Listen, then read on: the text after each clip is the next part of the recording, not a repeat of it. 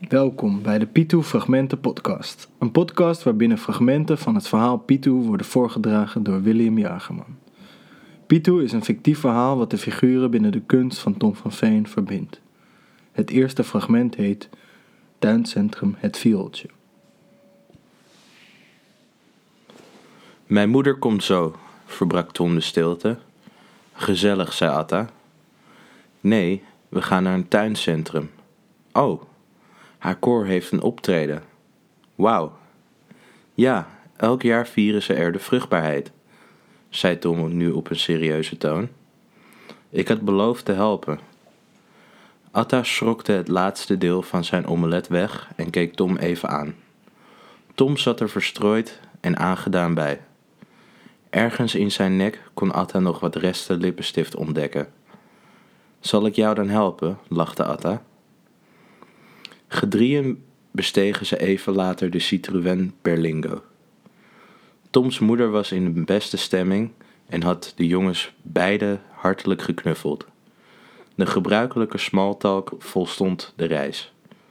Al gauw doemden de grote letters van het tuincentrum op boven de weg. De andere koorleden stonden al netjes in een groep te wachten bij de ingang. Een vrolijk gejoehoe steeg op toen de Berlingo in zicht kwam. Een enorme groep grijnzende mensen zwabberden hun armen van de ene naar de andere kant. Ja, joehoe, riep Toms moeder, daar zijn we dan. Joehoe, riepen wat verdwaalde leden van achter in de groep.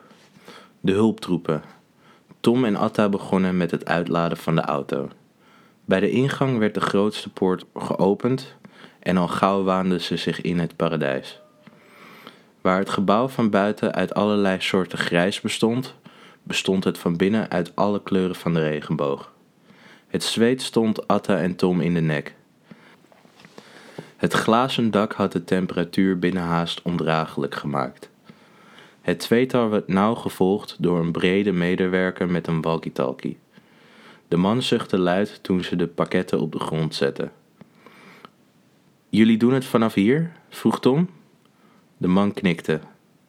Na een half uur stond alles op poten en ging de toen door het tuincentrum.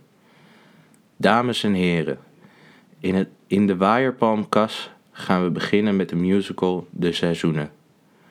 Verschillende bloembakken met allerlei soorten planten waren op wielen gezet, zodat de ruimte door kon gaan voor een podium.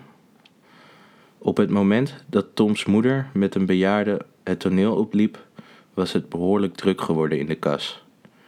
Het publiek viel stil. Wat een mooie dag, hè? zei ze. Ja, pruttelde de bejaarde. Dit was het teken voor de brede medewerker. Hij had zich gehuld in een lange zwart leren jas en reed een bloembak narcissen het toneel op. Toms moeder was direct gegrepen en begon wild de een na de ander te plukken. De bejaarde bleef verdwaasd achter en draaide zich om.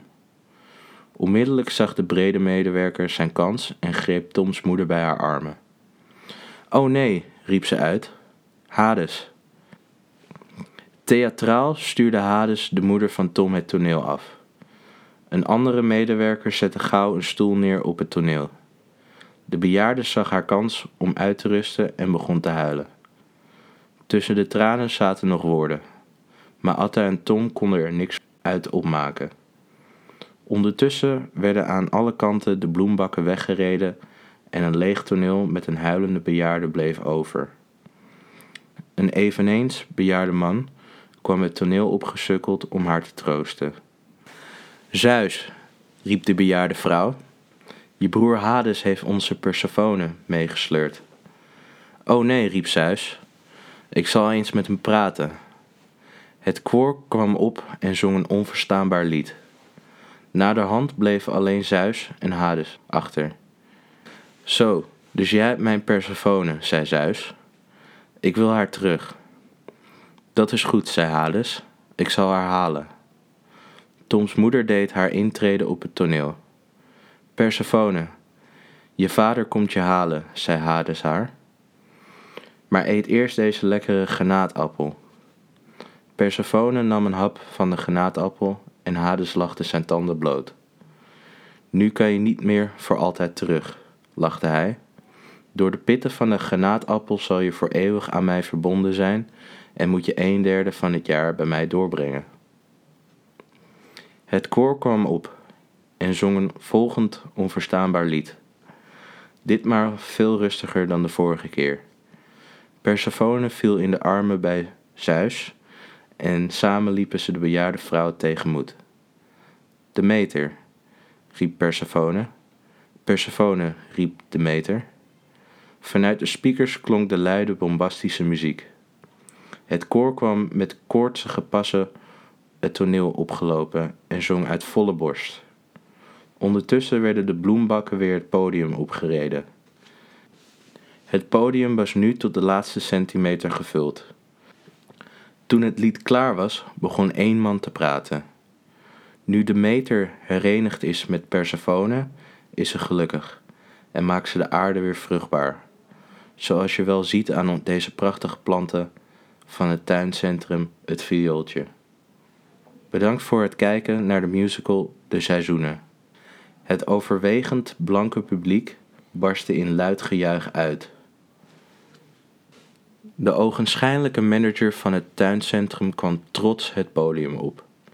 Hij bedankte het koor voor het prachtige optreden en overhandigde Zeus een stapeltje waardebonnen. De moeder van Tom straalde van top tot teen. Allerlei mannen stonden in de rij om haar te feliciteren, maar daar moest ze niets van hebben. Snel liep ze naar Tom en Atta en gaf de jongens haar waardebon. Ga maar iets leuks uitzoeken, zei ze uitgelaten. Je was goed, mam, zei Tom. Dank je wel, zei ze, en ze viel hem om de hals. Onder de palmbomen naast de installatie hadden twee vrolijke kamerplanten gestaan. Kentia Palma stond erop, het kaartje, en de duo was verkocht. Met de twee planten in de hand schuifelde het duo richting de kassa. De brakheid bekroop hen op het moment dat ze de kassa bereikten. Zes zaggerijnige taarten keken hen van achter hun balie aan. Met lange koorden waren er lijnen gespannen tussen de rijen. Het leek wel alsof, de, alsof ze de grens overgingen. Op goed geluk kozen ze de middelste rij. De taart bekeek hen van top tot teen en pakte ferm de goedbon. Dat wordt dan 27,50 alsjeblieft. Het was met een sisser afgelopen. Buiten had de moeder van Tom zich al bij de auto geposteerd en ze laden de planten en hun installatie in de achterbak. Luid toeterend verlieten ze de parkeerplaats. Zal ik jou thuis afzetten? vroeg de moeder van Tom aan Atta. Atta knikte. Thuis was het rumoerig. Atta's vader had de volumeknop op 10 gezet en danste met zijn moeder op het balkon. Met de plant stond Atta er een beetje verdwaald bij. Atta's broertje was de eerste die hem opmerkte en bekeek de plant aandachtig. Zijn broertje vond de plant prachtig en besloot direct naar zijn vader te rennen. Op het moment dat zijn vader hem zag, zag hij het vuur in zijn ogen. Over een week zijn de tentamens, riep hij. En nu hoor ik dat je s'nachts als een zombie door de stad zwerft. Atta zweeg en keek naar de grond. De volgende keer als hij Sinan zag, zou hij hem afmaken. Is het te veel gevraagd om gewoon een studie af te maken? raasde zijn vader door. Aan wat heb ik dit verdiend? Atta bazelde dat hij het niet wist. Zijn kater had hem keihard op zijn hoofd geslagen en de pijn en het zweet brak hem uit. Zijn vader stond klaar om hem een flinke tik te geven, maar zijn moeder sprong sussend in het midden. Schokkend bracht ze zijn vader naar de bank en gebaarde dat Atta maar even weg moest gaan. Buiten rookte hij een sigaret en hoorde binnen zijn vader Allah aanroepen. Niet dat zijn vader gelovig was. Alleen als het tegen zat wilde hij zich nog wel eens bij Allah beklagen. Het mocht niet baten. Atta bedacht zich ter plekke de hele studie de bons te geven.